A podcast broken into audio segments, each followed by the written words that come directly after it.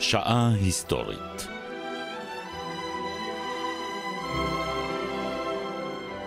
זיכרונות הפרופסור מיכאל הרסגור וליעד מודריק מספרים את סיפורו של היסטוריון.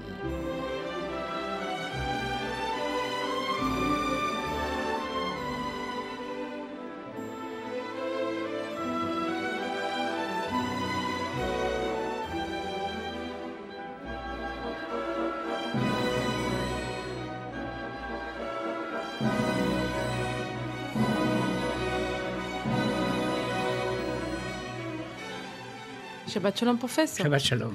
אתה יודע, מדי פעם בתוכניות שהעברנו יחד, יצא לי לשמוע איך הכרת את הדמות ההיסטורית ההיא, או דמות היסטורית אחרת, ובכל פעם נפעמתי מחדש כשגיליתי כמה אנשים או כמה אירועים יצא לך להכיר גם מזווית אישית.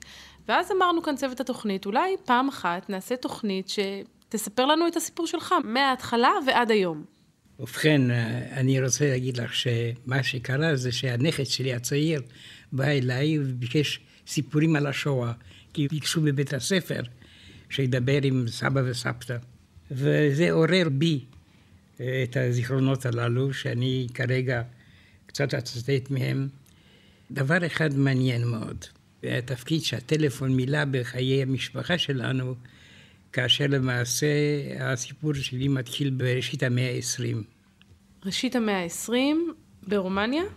לא, בשום רומניה. מפני שלא הייתי רומני, למרות העובדה שנולדתי בבוקרשט. אבי היה מליטא, ובליטא הם ידעו גרמנית. אני גיליתי גם שהניהול העניינים הממלכתיים בימי הצאר הייתה בגרמנית, מה שמאוד מפתיע. ולאבי, אבי היה מוכר אריגים, אריגים אנגלים. אנחנו מדברים על ראשית המאה ה-20. כן. והוא היה כמובן מעריץ של אנגליה, וגם היה באנגליה בנעוריו. הוא בא מן העיר ליבאו, שהיום יפאיה. זה הנמל היחידי של לטביה שלא כופה בחורף. ועל כן הצי היה שם, הצי של הצאר. מה עושים היהודים באותה תקופה? הם מחפשים מרכז כוח. במרכז כוח הזה, בליבאו, היה הצי הצאריסטי. על כן היחסים בין אבי לבין הקצינים של הצי היו מאוד טובים, ויש לי הרגשה שהוא גם נתן להם אה, עזרה כספית.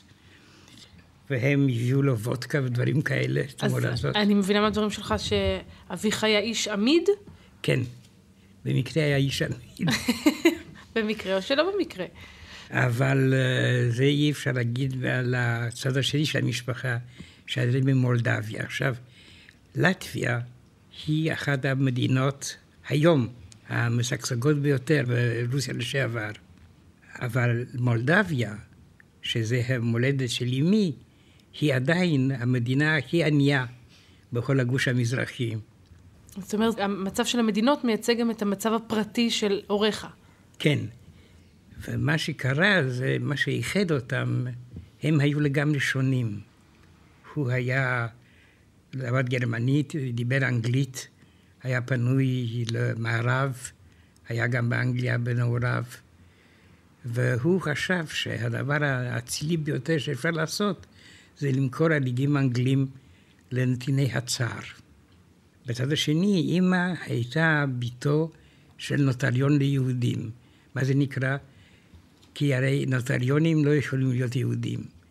אבל הנוטריונים, כלומר, אנשים עוסקים במשפטים ובמסמכים רשמיים, חייבים לדעת גם רוסית וגם יידיש. כן.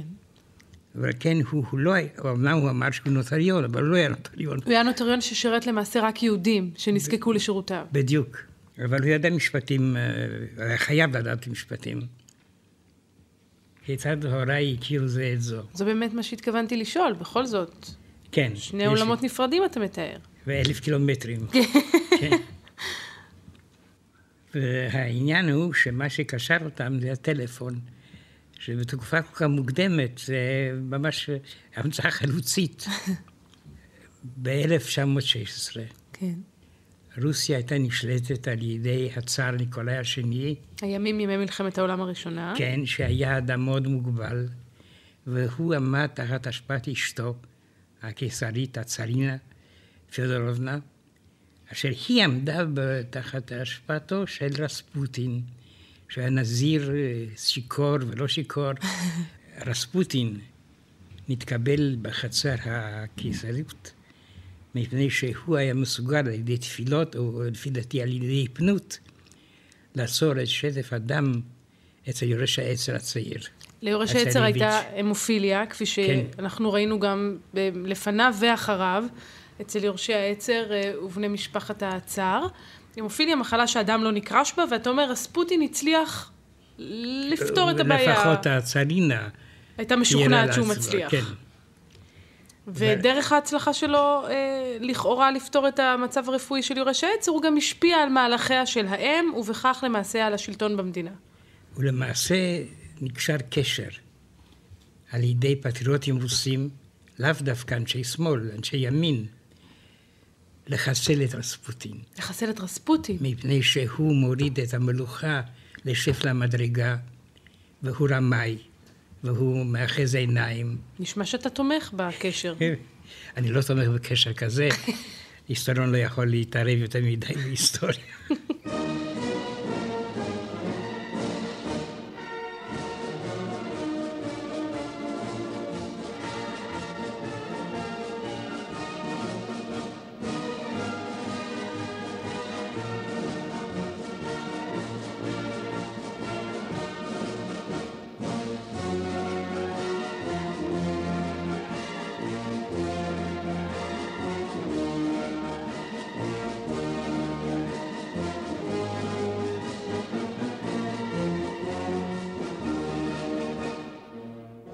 ארבעה אצילים קשרו קשר לרצוח את רספוטין, וזה היה בסוף דצמבר 1916. הוא הוזמן בביתו של אציל, אשר ניסה לחסל אותו על ידי הרעלה, ונתנו לו לשתות רעל. והתפילות וההיפנוזה לא עזרו? לא, אבל זה, לא- הרעל לא עזר. אה. הוא נשאר לגמרי בריא. אז אולי כן יש לו, היו לו איזה כוחות על-טבעיים שהוא יכול היה להתהדר בהם. אני לא רוצה להיכנס לשטח הזה, כי זה לא הנושא שלי, אבל כאשר הקושרים, שהיו אצילים רוסים... גילו שהרע לא עובד. אז הם החליטו לירות בו. אה, פשוט, אם לא הלך בדרך אחת, נסה בדרך אחרת. כן. אל תוותר לעולם. אבל כאן יש פרשה מסוימת. הכדור לא פגע בו. הכדור כן פגע בו. אוקיי. ומצאו אותו בנהר.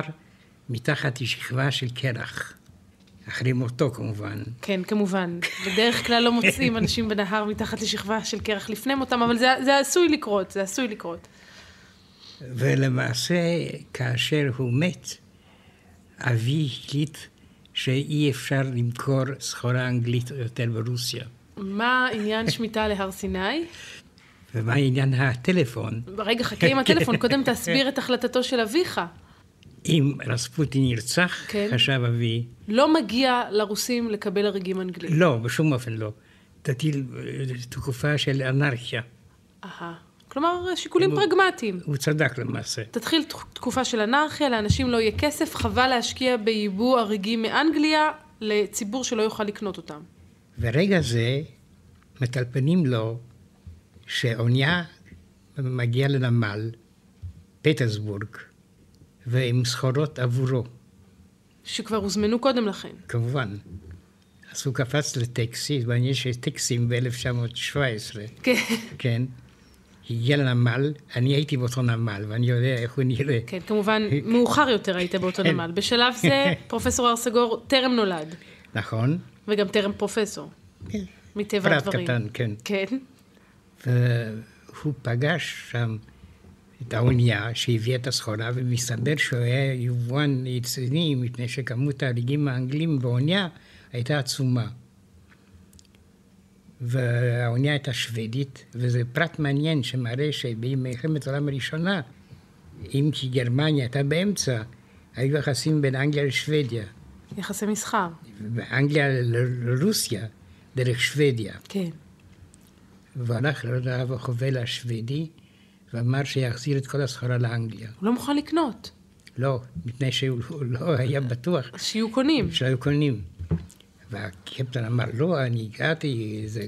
אני חייבת, אני, אתה יודע, פרופסור, אמנם אתה בצד של האבא, אבל אה, הקפטן צודק, עשה את כל הדרך משוודיה, עם כל ההריגים, עכשיו מה הוא אמור לעשות עם, ה, עם הסחורה? אבי סיפר לי שמה שהלם אותו זה הריח של הקפטן ישקור. אבל אז הוא שכנע להחזיר את כל הסחורה. בלי תמורה. ורגע, ואבי הבטיח לו וכתב לכל הספקים האנגלים מכתב המסביר מדוע הוא לא מקבל את הסחורה הזאת. כדי שלא יאשימו את הקפטן השוודי. בדיוק. המבוסם כמעה. המבוסם כמעט לא באופן מתמיד, אבל זה פרט לא חשוב. אז האונייה חוזרת. האונייה חוזרת והמהפכה פורצת. אבל מה, איפה, איפה גברת הר סגור העתידית? ובכן, אמי רצתה להיות מיילדת. כן. אבל היא לא רצתה להיות מיילדת במולדביה, אלא היא רצתה להיות מיילדת בפינלנד. מדוע? הנשים הפיניות יולדות בקלות רבה יותר? לא, אבל היא ראתה צילומים של סטודנטים סקנדינבים. אה, טוב, כן. אתה לא צריך להמשיך. המוטיבציה ברורה. ברורה. כן. וכן, היא רצתה להיות מיילדת בעיר אחת שנקראת ויפורי, בפינלנד.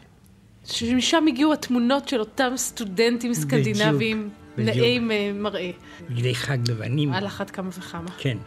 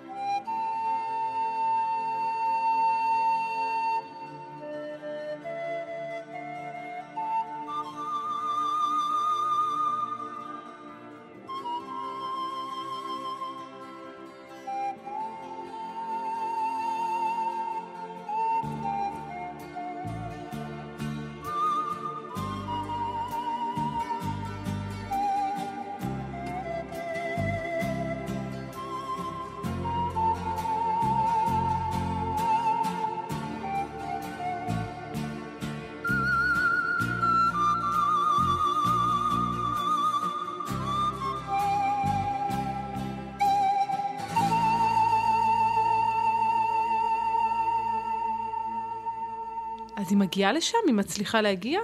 היא מגיעה לשם, כן, אבל קורה משהו אחר. המרחק בין מולדביה לפינלנד זה אלף קילומטרים. כן. ולנסוע בתנאי מהפכה ומלחמה, המרחק הזה, הסבא שלי, אביה של אמי, אלכסנדר, הוא מאוד התנגד לנסיעה. רק להזכיר, המהפכה שאתה מדבר עליה כמובן מהפכת אוקטובר, המהפכה הבולשביקית. עדיין לא פורצת, אבל אנחנו ערב המהפכה. מתחילים לראות את ניצניה. עוד איך מרגישים את זה טוב מאוד, ומעניין מאוד שאבי חש את זה, שהוא לא היה איש פוליטי, הוא היה סוחר, אבל הוא הבין ששוקעת השקיעה על האימפריה הרוסית, אולי גם לא היה חוש להיסטוריה. לפי, ייתכן מאוד, ואני מודה לך על ההערה הזאת. אז הוא הבין ושילח בחזרה את ההריגים. היא רוצה לצאת למסע לפינלנד בעיצומה של המהפכה שמתחילה להתהוות. כן, ואז פורצת המהפכה. רגע, ואמרת שסבך אלכסנדר התנגד לנסיעה, כן. אבל היא נוסעת אבל בכל זה זאת. קרה, כן.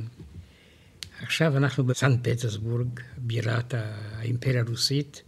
היא נסעה לפינלנד, אבל לא יכלה להגיע לפינלנד בגלל השלגים. אה, היא לא הצליחה בסוף להגיע לשם. אבל הייתה, הייתה חייבת להישאר בסן פטרסבורג. אבל ליהודים היה אסור להיות בסן פטרסבורג, אלא בשני מקרים. כן. או רופאים, או אנשים עשירים. והיא לא הייתה לא זה ולא זה. לא, אבל היה לה איזה קרוב רופא אשר התערב, כדי שהיא תישאר כמה ימים בסן פטרסבורג ולא תייסר. וכדי להתפרנס בימים הללו, כי התחבורה הייתה מאוד קשה, כן. הרופא הזה, שהיה חצי קרוב משפחה, עזר לה להיות קופאית בחנות של מכירת אריגים. חנות של מכירת הריגים. כן. הפלא ופלא. אבל אמרו לה שלא תגלה שהיא זרה לחנות, היות היות והייתה חנות גדולה והיו המון פקידים, לא שימו לב אולי בעל הבית, שהיה בחור בן 30, מאוד חריף ואוטוריטטיבי, לא ישים לב שהיא קיימת. ובעל הבית במקרה הזה הוא... אבי. שאגב, שמו לא היה הר סגור, הר סגור זה עברות. לא, היה גולדברג. גולדברג. כן. אז מר גולדברג החריף, ואחד החושים, כן מבחין בה. מפני שהטלפון צלצל. שוב הטלפון. והיא לא ידעה איפה הקופאית, אז היא הרימה את השופרת, ופתאום הוא מופיע, ושואל, מי את? מה את עושה בחנות שלי? שאלה טובה. כן. והיא בלבלבלה ואמרה, אני איכשהו, אני טסתי הגעתי, כן, אה, דוד שלי, משהו. שבוע לאחר זאת הוא ביקש את ידה. שבוע לאחר מכן? כן. אז הוא לא רק חד וחריף, הוא גם נחוש ואסרטיבי. כן, והם התחתנו ב-9 לאפריל 1917. מזל טוב. כן, תודה רבה. כאשר הם התחתנו, היה צורך אה, להזמין אנשים לחתונה. אבל הייתה מלחמת אזרחים ברוסיה, ועל כן הוא מצא באיזשהו מקום בצפון רוסיה, הוא אסף איזה עשרה קרובים, לא כל כך קרובים, ערך משתה, ופתאום אחד הקרובים, שהיהודי מאמין, שאל, האם הבשר הזה הוא כשר? אבי לא ידע מה להשיב, כי הוא לא היה כשר. כן. אבל הוא אמר, היות ולהציל נפש אדם, זה חשוב יותר. חשוב יותר. אמר, זה קשה לגמרי לעיזה סיבירית. לא ידעתי שבסיביר יש עיזים. כאשר אני הייתי אחרי זה בלנינגרד, בפטרסבורג, אותה עיר ששינתה את כל שלום, דרך אגב, הרוסים יש להם מניה לשנות שמות. צריצין הפכה לסטלינגרד, וסטלינגרד הפכה לוולגוגרד, אפשר להשתגע. ללמוד גיאוגרפיה ברוסיה זה טירוף דעת. ובמקרה שלנו, סנט פטרסבורג תהפוך ללנינגרד, והיום חזרה. לסנט פטרסבורג, כן. לסנט פטרסבורג. כן. חבל על השינוי עם השם, אבל לא, לא רוצה להיכנס לפרטים. זה משגע את החוקרים, שהם לא יכולים לדעות איפה זה היה בכלל. אבל לימים אתה היית שם. כן. והיית במקום באותה חנות הרגים? החנות כבר לא הייתה קיימת, הייתה לי הכתובת, אבל הלכתי, רציתי לראות את בית הכנסת. שבו הם התחתנו. התחתנו. אבל איש לא דיבר איתי. בית הכנסת, זו הייתה תקופה היה אנטישמי. וזה היה מסע אנטי-יהודי. והייתי שואל את האנשים, איפה בית הכנסת? איש לא ידע. ואז אני עליתי במדרגות במוזיאון ארמיטאז', המוזיאון הגדול של של לנינגרד, של פטרסבורג, כבר זה. כן. ושאלתי, היה המון שם, ושאלתי ברוסית, מי יודע להגיד לי איפה הסינגוגה? אז היה שקט מוחלט, כי האווירה הייתה אנטישמית, פתאום אחד שואל את הסינגוגה, והשקט העיק עליי. פתאום מישהו למטה, במדים של איש מכרות, מהנדס מכרות, היה לי מדים. כן. ברוסיה הכל היה במדים, עדיין הכל במדים. והוא אמר, רד בבקשה. וירדתי, ואז הוא הדריך אותי כיצד להגיע לסינגוגה, כלומר לבית הכנסת. הכנסת. שהוא היה די מפואר. וככה, לא רק שראיתי אותו, גם צילמתי אותו. בזו תקופה זו הייתה שהייתי חייב לפנות מצלם מקצועי כדי שהוא יעזור לי לצלם את המקום, חשוב.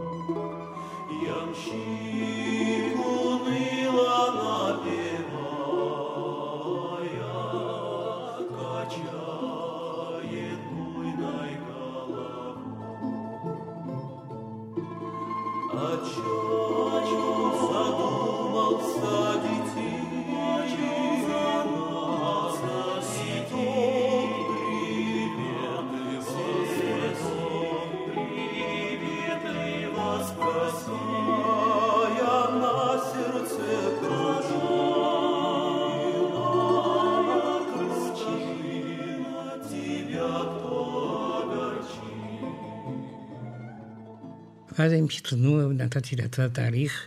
ונשארו לגור בסנט פטרסבורג? לא, מפני שהייתה, היה מצב מאוד מאוד קשה. היו מאסרים, בעיקר האנשים העשירים היו בסכנה. טרוצקי היה מנהל מלחמה נגד הבורגנות, כן. נגד האצולה. ואביחיה, אמרנו, עמיד למדי. כן. אז הוא היה בסכנה. היה בסכנה, ויום אחד נרצח קומוניסטי. ועל כן, כנקמה, טרוצקי ציווה לאסור 50 אנשים עשירים, והודיעו שהם יוצאו להורג אם האדם שעשה את הרצח לא יתגלה. מה שנקרא עונש קולקטיבי. בדיוק. ומה הם עשו? אמי הייתה בייאוש, אבל... אביך היה אחד מאותם חמישים? ש... בדיוק. מה אתה סך? כן, מאוד לא נעים. מאוד לא נעים. כן. לא נעים זה דרך מעניינת לתאר את זה, כן. להוריי היה ידיד אחד, הנספח המסחרי של שוויצריה. הוא היה נאוטרלי, אבל עכשיו מופיע שוב הטלפון.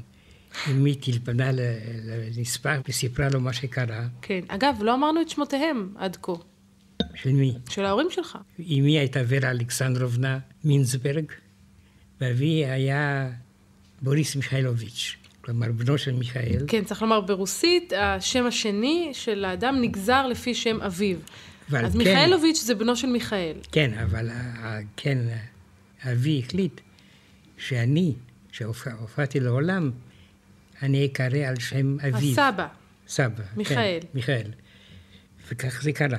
אז אתה מיכאל בוריסוביץ'. בדיוק. והוא בוריס מיכאלוביץ'. כן, לא להתבלבל. נחמד מאוד. כן. זה טוב מאוד מבחינה היסטורית, שאתה יכול בדיוק להגדיר מי היה אבא שלו. כן. בהחלט.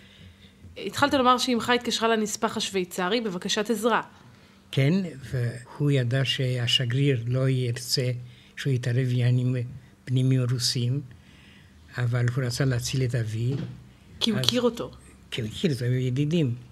אז הוא הלך לשגרירות, ציווה להוציא את המכונית עם הדגל, עם הצלב הלבן על רקע אדום, ונסע לאותו מקום ששם אבי היה עצור, והודיע למפקד המקומי, הקומוניסטי, שאם הוא, פלוני אלמוני, לא ישוחרר, שוויצריה תכריז מלחמה על רוסיה. עד כדי כך? הכל בגלל בוריס מיכאלוביץ' גולדברג? כן, אבל הוא לא דיבר באופן רשמי. מלחמה דיבר- זה עניין רשמי למדי. כדי לשכנע אותו. כי סוף סוף המאסר לא היה אה, חוקי. כן. אז כמעט פרצה מלחמה בגלל אבא שלך.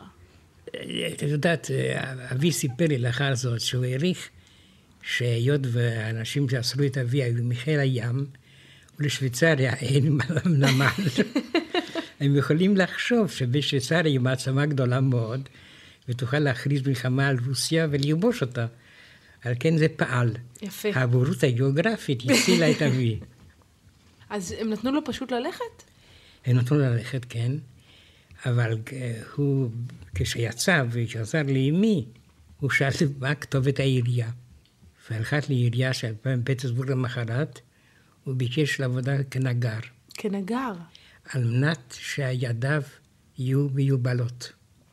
מפני שהקומוניסטים היו עשו לאנשים שידיהם היו עדינות, והיו מוצאים אותם להורג. כלומר, הוא רצה להידמות לפועל. מכיוון שהוא, היה, שהוא חי בתקופה שבה העשירים הפכו למוקצים מחמת מיאוס, הפועלים הועלו על נס, הוא רצה להיות פועל כאחד הפועלים על אף הכסף שהיה לו. אם כי הוא אמר לי שבחצ... כשהוא עבד בחצר בתור נגר, כל מיני אנשים שהכירו אותו, פתאום, מה אתה עושה פה? זה היה מוזר מאוד. אבל לפי דעתי השיקול שלו היה נכון. והוא הצליח להגיע עד דרום רוסיה, עד לאודסה. אודסה הייתה עיר עם הרבה הרבה תושבים יהודים, כן. והוא הצליח לעבור את הנהר דניסטר, שזה היה הגבול בין אוקראינה למולדביה.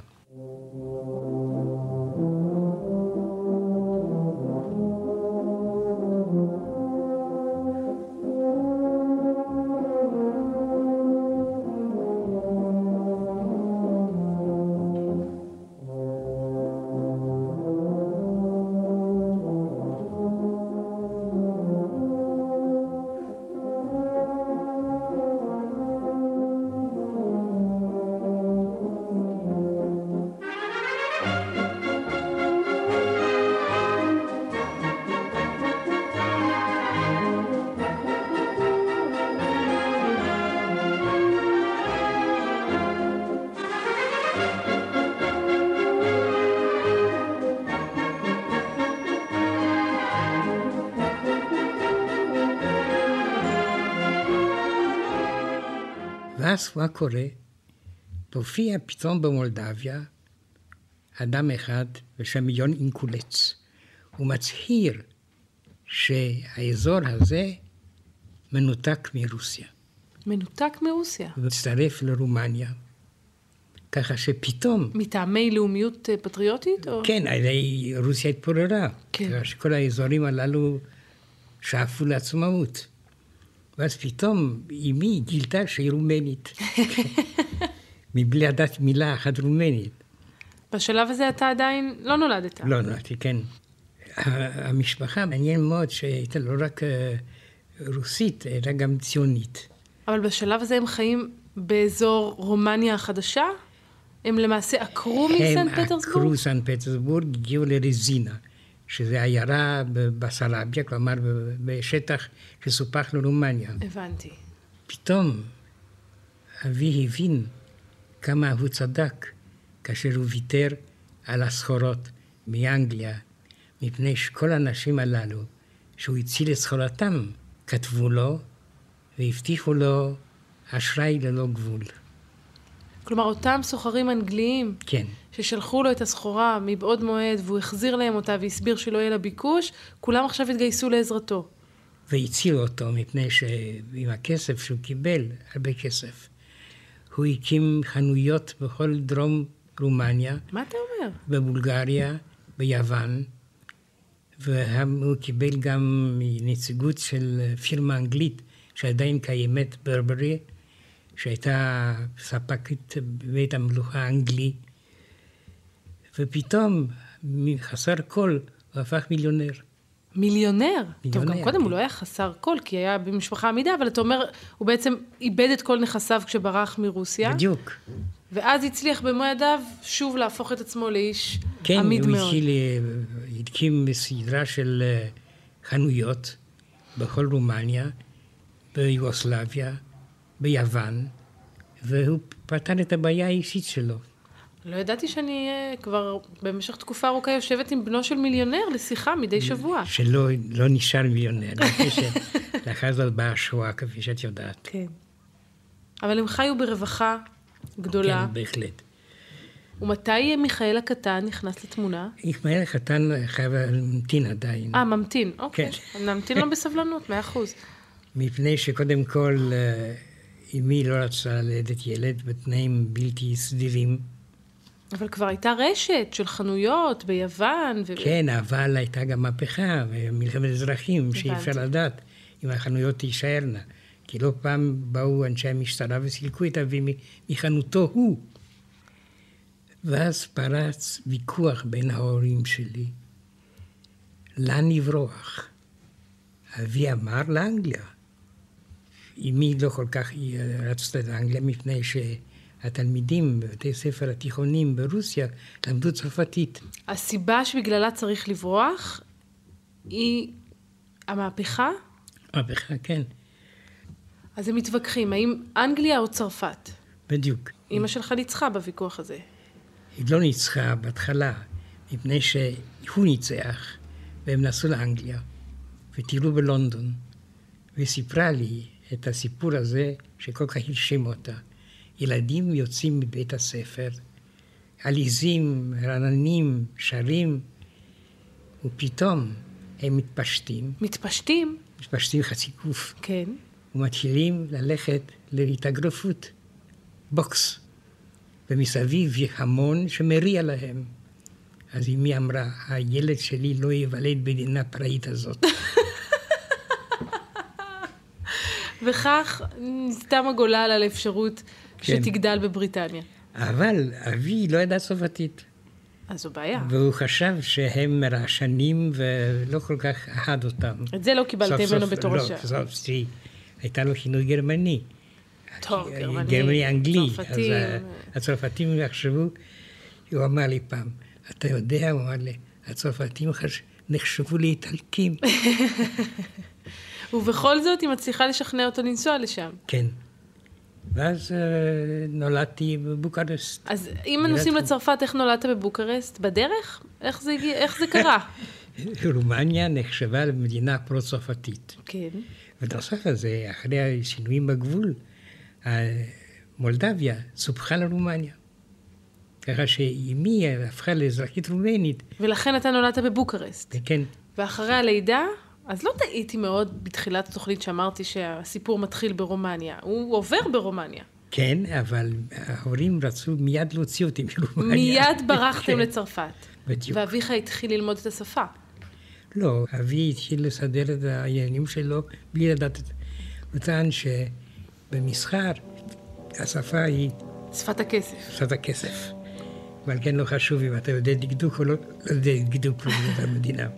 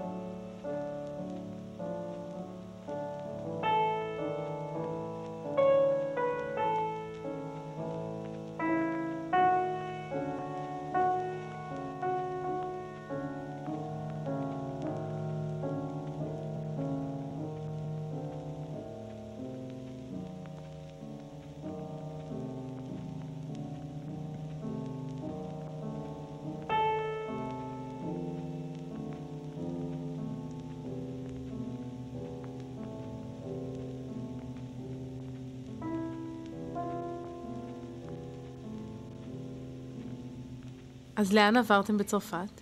היות ואמרתי שהוא לא היה מזה רעב. לא, לא היה מזה לא, רעב, כן. הוא קנה וילה. הוא קנה וילה. כן. אחרי זה, כאשר הייתי בווילה הזאת והייתי כבר מודע, גיליתי שיש לה עשרים חדרים. עשרים חדרים? כן. ממש ילדות השוקה עברה עליך, פרופסור, אני, הלב שלי יוצא. אגב, לא אמרנו באיזה שנה נולדת. עשרים וארבע. מזל טוב. כיצד גיליתי שהיו עשרים חדרים? פתחת דלתות? לא, אבל אצל ההורים, מעל למיטה היה לוח. ולוח עם כל חדר היה, אם מישהו מצלצל בחדר אחד, מופיע חץ. או, מאוד עדכני. מאוד עדכני בתקופה הזאת, כן. מאוד מתקדם. אז זה כמעט גם כמו הטלפון שמלווה אותנו. בדיוק. רק אינטרקום. והיה כמובן גם טלפון, והיו גם נהגים. הנהגים היו רוסים, ואני רוצה להגיד לך שאני, הבינותי שאבי מאוד היה מאוד גאה על עובדה שהוא עכשיו חבר עם כל מיני רוזנים ודוכסים ונסיכים, ואני זוכר שאני הייתי בגיל עשר, אמרתי לו, אבא, אבל הם שום דבר היום. הם סנדרים, הם נהגים, הם סבלים. רק עם תואר אצולה. תואר אצולה, כן. הוא נעלב, ואמר, אתה לא מבין את ההיסטוריה. אמרתי, כן, אבל אני כן מבין את ההיסטוריה. ואז uh, בא המשבר הגדול, הבינלאומי. והיה מאוד קשה לקיים שני משקים, אחד בבוקרשט ואחד בצרפת. בצרפת זה מקום נקרא לוויזינה. ואז הוא החליט לחסל את ה... החיים שלו בצרפת, אם כי אני הייתי 아, מאוד... אה, בצרפת דווקא? כן, כדי להתרכז רק ברומניה. אז חזרתם לרומניה? כן. זה לא שימח אותי כל כך. רגע, עד עכשיו אתה נשמע נוגה כשאתה מדבר על זה. מפני שהייתי מאוד קשור עם צרפת. דיברתי צרפתית, חשבתי צרפתית, עד היום הזה. Hmm. והיו לי חברים בצרפת. אבל כאן יש פרט אחד מעניין. אחרי המלחמה, חזרתי לצרפת, והתחלתי לשאול מה היה, מה היה עם החברים שלי. ואז נודע שבימי המלחמה הם היו אנשי וישי, כלומר פטן, כלומר השיתופי פעולה עם הנאצים. החברים שלך? כן. איך זה קרה? הרי הם קתולים, למה לא, לא חייבים להיות בגלל שחברים לא, שלי. לא, מאה אחוז, אבל חשבתי שאולי כששיחקתם כילדים בכדורגל כבר החדרת בהם ערכים שיגרמו להם להתנגד. היו, אה, לידידי היו גם הורים, והם היו מתאימים, התאימו לעצמם לאווירה כללית. לאחר זאת, הם לא חזרו לערים בגלל, הם נשארו בוישי, אותה עיר שהיא מוכתמת על ידי שיתוף פעולה עם הכובש הנאצי. כן. אני רוצה להגיד לך שהחינוך שהיה מאוד אה, קוסמופוליטי, החינוך שלך. ש- ש- כן, שלי, והייתה בעיה שעוררה ויכוח בין אבי לבין סבי, כן. וזה היה עם חג המולד. בחג המולד, Christmas, Noël, יש חגיגה גדולה בבתים הנוצרים, כן.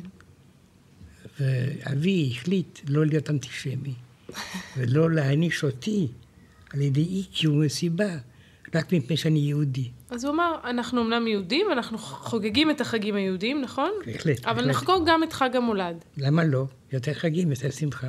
בטח סבך אמר לא, כי זה לא החג שלנו. בדיוק. והוויכוח עוקצני ביניהם, אבל אה, אני תמכתי כמובן בחג. כמובן. בחג ובמתנות שהוא מביא איתו. לא רק המתנות, אה, קבלת הפנים, המשחקים, הילדים. ואז התחילו הימים השחורים של השואה להתקרב. התחילו להיות הגבלות יותר ויותר חמורות על היהודים. בשלב הזה אתם כבר חיים ברומניה. כן, אתה בסביבות גיל 12. משהו כזה, כן.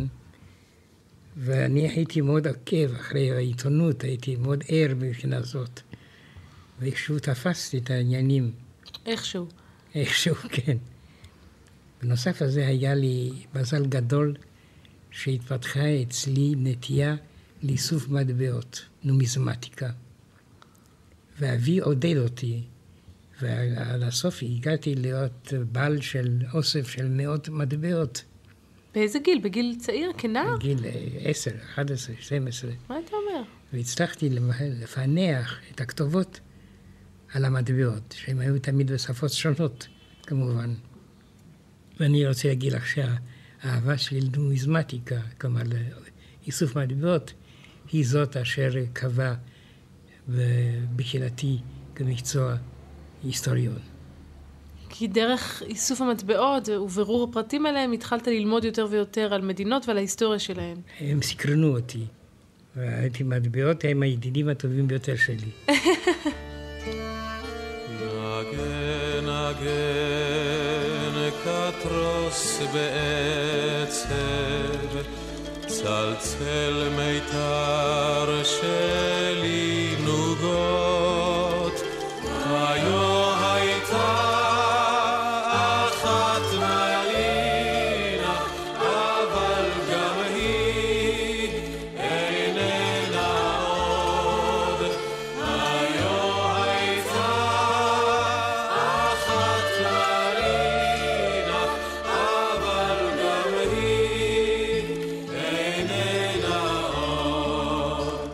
התחילה השואה, האמצעים האנטי-יהודים סגרו את החנויות של אבי. רומניה בשואה, בשואה הייתה בעלת ברית של גרמניה. אם כי בית המלוכה נשאר פרו-מערבי, וזה עד הסוף ייתן גם את הסימנים הטובים שלו, כן. על השינוי הזה. אבל הייתה אווירה אנטישמית, והעניין היהודי עורר בי סקרנות. התחלתי להתעניין ביהדות, בציונות, והתחלתי לחפש תנועת נוער, שכל הילדים שלי היו בתנועת נוער, ואני לא. כן. והחלטתי לבקר בכל תנועת נוער. דרך אגב, הם פעלו בימי המחתרת, דבר לא כל כך ידוע בארץ. המחתרת הרומנית נגד שיתוף הפעולה עם הגרמנים? ברור. והלכתי מתנועת נוער לתנועת נוער. אני זוכר שביקור שלי בביתר, ששם הייתה הרצאה ארוכה מאוד על מהי חולצת, חולצתו של הבית"רי, כן. מה הוא מסמל, כל זה. לא נשארת שם. לא, החולצות, אני, מעניין אותי חולצות הבית"רי. טוב, בביתר היו גם לא רק דיונים על חולצות, היו שם עוד כמה עניינים כן, שעסקו אבל בהם. משום מה, המדריך טעה, ונתן לי להבין שהעיקר החולצות. הבנתי. כן. אז מצאת את עצמך בשומר הצעיר. בדיוק. השומר הצעיר, קודם כל, מפני שהבינותי, ואני עדיין מבין, שהשומר הצעיר טען שהבעיה היא שיש שני עמים בארץ. היהודים והערבים, וחייבים לפתור את הבעיה המשותפת הזאת. וזה הדריך אותי כבר אז. כבר אז, כן, להבין אותי שהשוביניזם, כלומר הלאומנות היהודית, צרת האופקים, היא לא לכבוד העם היהודי. היא לא נאמנה לכל המסורת המפוארת של העם היהודי. טוב, יהיו כמובן כאלה שיחלקו לך, אבל זה בכל מקרה היגיון. היו ויהיו, אתה... בהחלט. אבל זה היגיון שהנחה אותך כשהצטרפת לשומר הצעיר, וזה קורה במהלך מלחמת העולם השנייה? כן, בהחלט.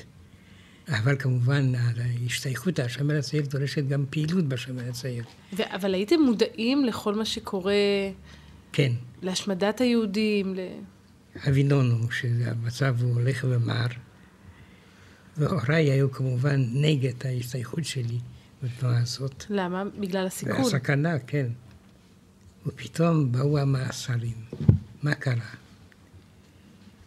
שלושה נערים יהודים שלא היו ציונים, אלא קומוניסטים, נכנסו לתנועת השומר הצעיר על ידי אה, רמאות.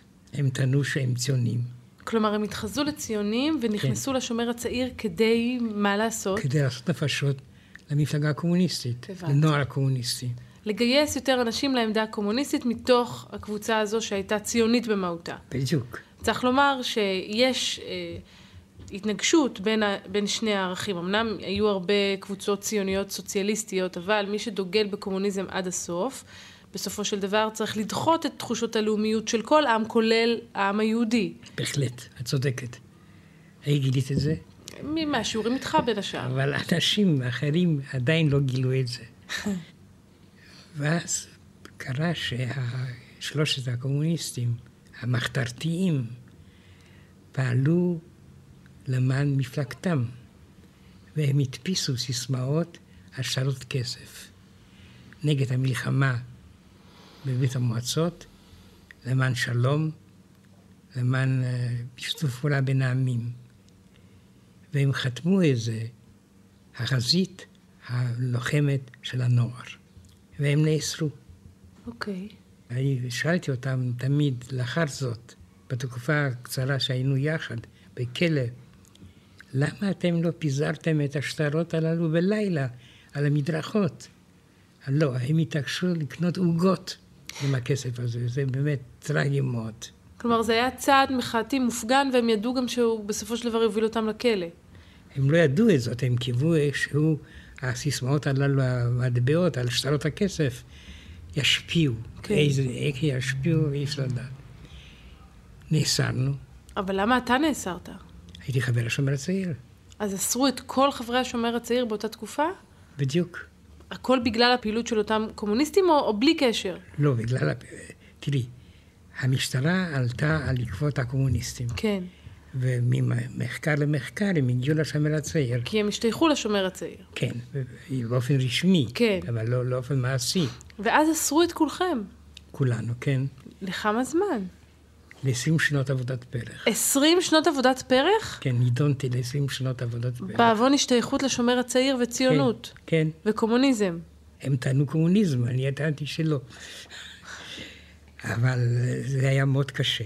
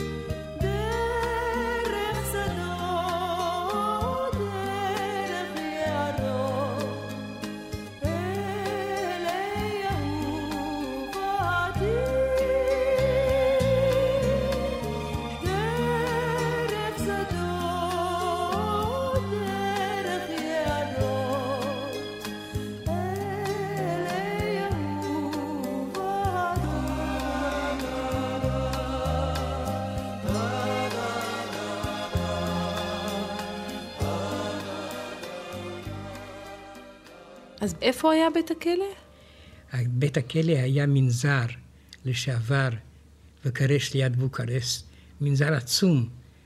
אם כי במנזר הזה, בתאים, היום בכל תא מקום לערבה נזירים. אנחנו היינו 28 בכל חדר. או, 28 בכל חדר. כן, והחדרים לא היו גדולים, הלב של ההורים שלך בוודאי נשבר. פחות או יותר. ועיקר קשה מאוד היה לי הוצאתם להורג של שלושתם. אה, הוציאו אותם גם להורג. כן, הם באו להיפרד ממני. בני כמה היו נערים צעירים? 17, כן. וואו. ואחד מהם, שהיה ידיד איתי, קורנל אליאס, אמר לי, אונרי דה בלזק כתב 103 ספרים, ואני קראתי רק שלושה מהם, ועכשיו הם הורגים אותי. זה היה מאוד מאוד אה, קשה. נשמע ככה. כאשר אה, לפני ההוצאה להורג, המפקד הכלא שאל אם הם רוצים עזרתו של רב יהודי. הם סירבו, הם חיכפו, ולאחר זאת החיילים שירו בהם סיפרו לי דבר מאוד לא נעים. הכומר שלהם, הכפר, אמר להם, מה שלא יהיה, אסור להרוג ילדים. והחיילים חשבו שאדם שלא הלך לשירות צבאי הוא ילד. עד שלא מילאו לו 21 שנים. כן. ואז במקום לראות אותם בחזה ולהרוג אותם, או ירו באיברים, ברגליים. והעינויים היו מחרידים. לאחר זאת, קצין אחד רומני שאל אותי, פתאום בצורה מאוד מפתיעה, האם אתה יכול ללמד אותי אנגלית? אז אני נדהמתי. הוא אמר לי, אבל בלי ספרים, אסור שירות שאני קונה ספר אנגלי. מדוע? מפני שבסוף אני רוצה לצאת מרומניה. אני, יש לי קרובים בארצות הברית, ועל כן אני חייב ללמוד אנגלית. אז בתוך הכלא הסוהר ניגש אל האסיר ומבקש ממנו שילמד אותו אנגלית בסוד. ולימדתי אותו אנגלית בסוד, כן. והוא התקדם יפה, הייתי מאוד מרוצה מן הסרן. תשמע, אני חייבת לומר לך, נניח רגע את את תקופת המעצר שנשמעת לי קשה מאוד, אבל יחסית לזה שעברת מצרפת לרומניה, שזה שתי מנטליות שונות לחלוטין, התאקלמת יפה. קודם כל מפני שהאינטליגנציה הרומנית רצה להיות צרפתית. על כן אה, האווירה לא הייתה כל כך שונה. והיה לכם יתרון גדול בתור מי שהגיע מצרפת. בנוסף לזה, ההורים של הילדים הללו רצו שאני אדבר איתם. כדי ש- בצרפתית. בצרפתית, אבל בדיוק. למדת גם רומנית. תוך- כן, ידעתי רומנית, ודרך אגב, למדתי רומנית מהר מאוד, ועד היום אני מעריך את השפה הזאת. אני חושב שיש לה דברים יפים שלא מכירים אותם. והמשורר הלאומי, מינסקו, הוא יכול להיות שווה לכל המשוררים הלאומיים של מערב אירופה, פרט למקרה אחד, הוא היה אנטישמי. בעיה. כן. טוב, זאת באמת בעיה. אז אנחנו עכשיו למעשה מתקרבים כבר לסוף התוכנית. משאירים אותך, מיכאל ארסגור, אז מיכאל גולדברג, נער בן 17 פחות או יותר, כלוא בכלא הרומני. כן, לצערי אמנם הרב. נותן שיעורים פרטיים וזה, אבל, אבל בכל זאת, כלוא ל- בכלא. לקצין. לקצין. ההורים שלך, דרך אגב, ביקרו. אה, לא במחתרת. כלומר, הוא היה שולח חייל בסוף אה, יום העבודה, בערב, להוביל אותי, להוביל אותי למשרד שלו, ושם הוא היה סוגר כל הדלתות, כל והיית החלונות. מלמד אותו בחשאי. כן. במה עבדת במהלך היום? אני עבדתי בדפוס, בדפוס. בתור פועל דפוס. דרך אגב, אם את זקוקה ל... אני מוכן. מאה אחוז, אז קודם כל טוב לדעת שיש לי על מי לסמוך אם אני אזדקק כן. אי פעם לפועל דפוס. אה, אנחנו עד השבוע הבא נמתין בקוצר רוח לשמוע איך אתה מצליח לצאת מהכלא הזה, ואיך בסופו של דבר גולדברג יהפוך להר סגור ולהיסטוריון שהם... זה לא קשה, על ידי מילון. אז לכל זה ועוד עניינים אחרים נגיע בשבוע הבא. בבקשה.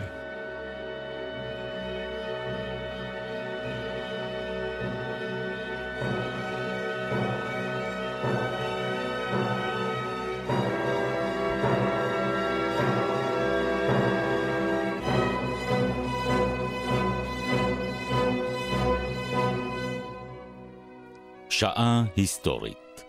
זיכרונות. הפרופסור מיכאל הרסגור וליעד מודריק מספרים את סיפורו של היסטוריון. עורכת נטלי פדון. ייעוץ מוסיקלי, עמליה רוזן. ביצוע טכני, בני יהודאי, אור אנצר ורפי קופפר. בתוכנית הושמעו קטעים מוסיקליים את המלחינים גלינקה, איבנוביץ', בטהובן ושופן, כמו גם שירים רוסיים עממיים.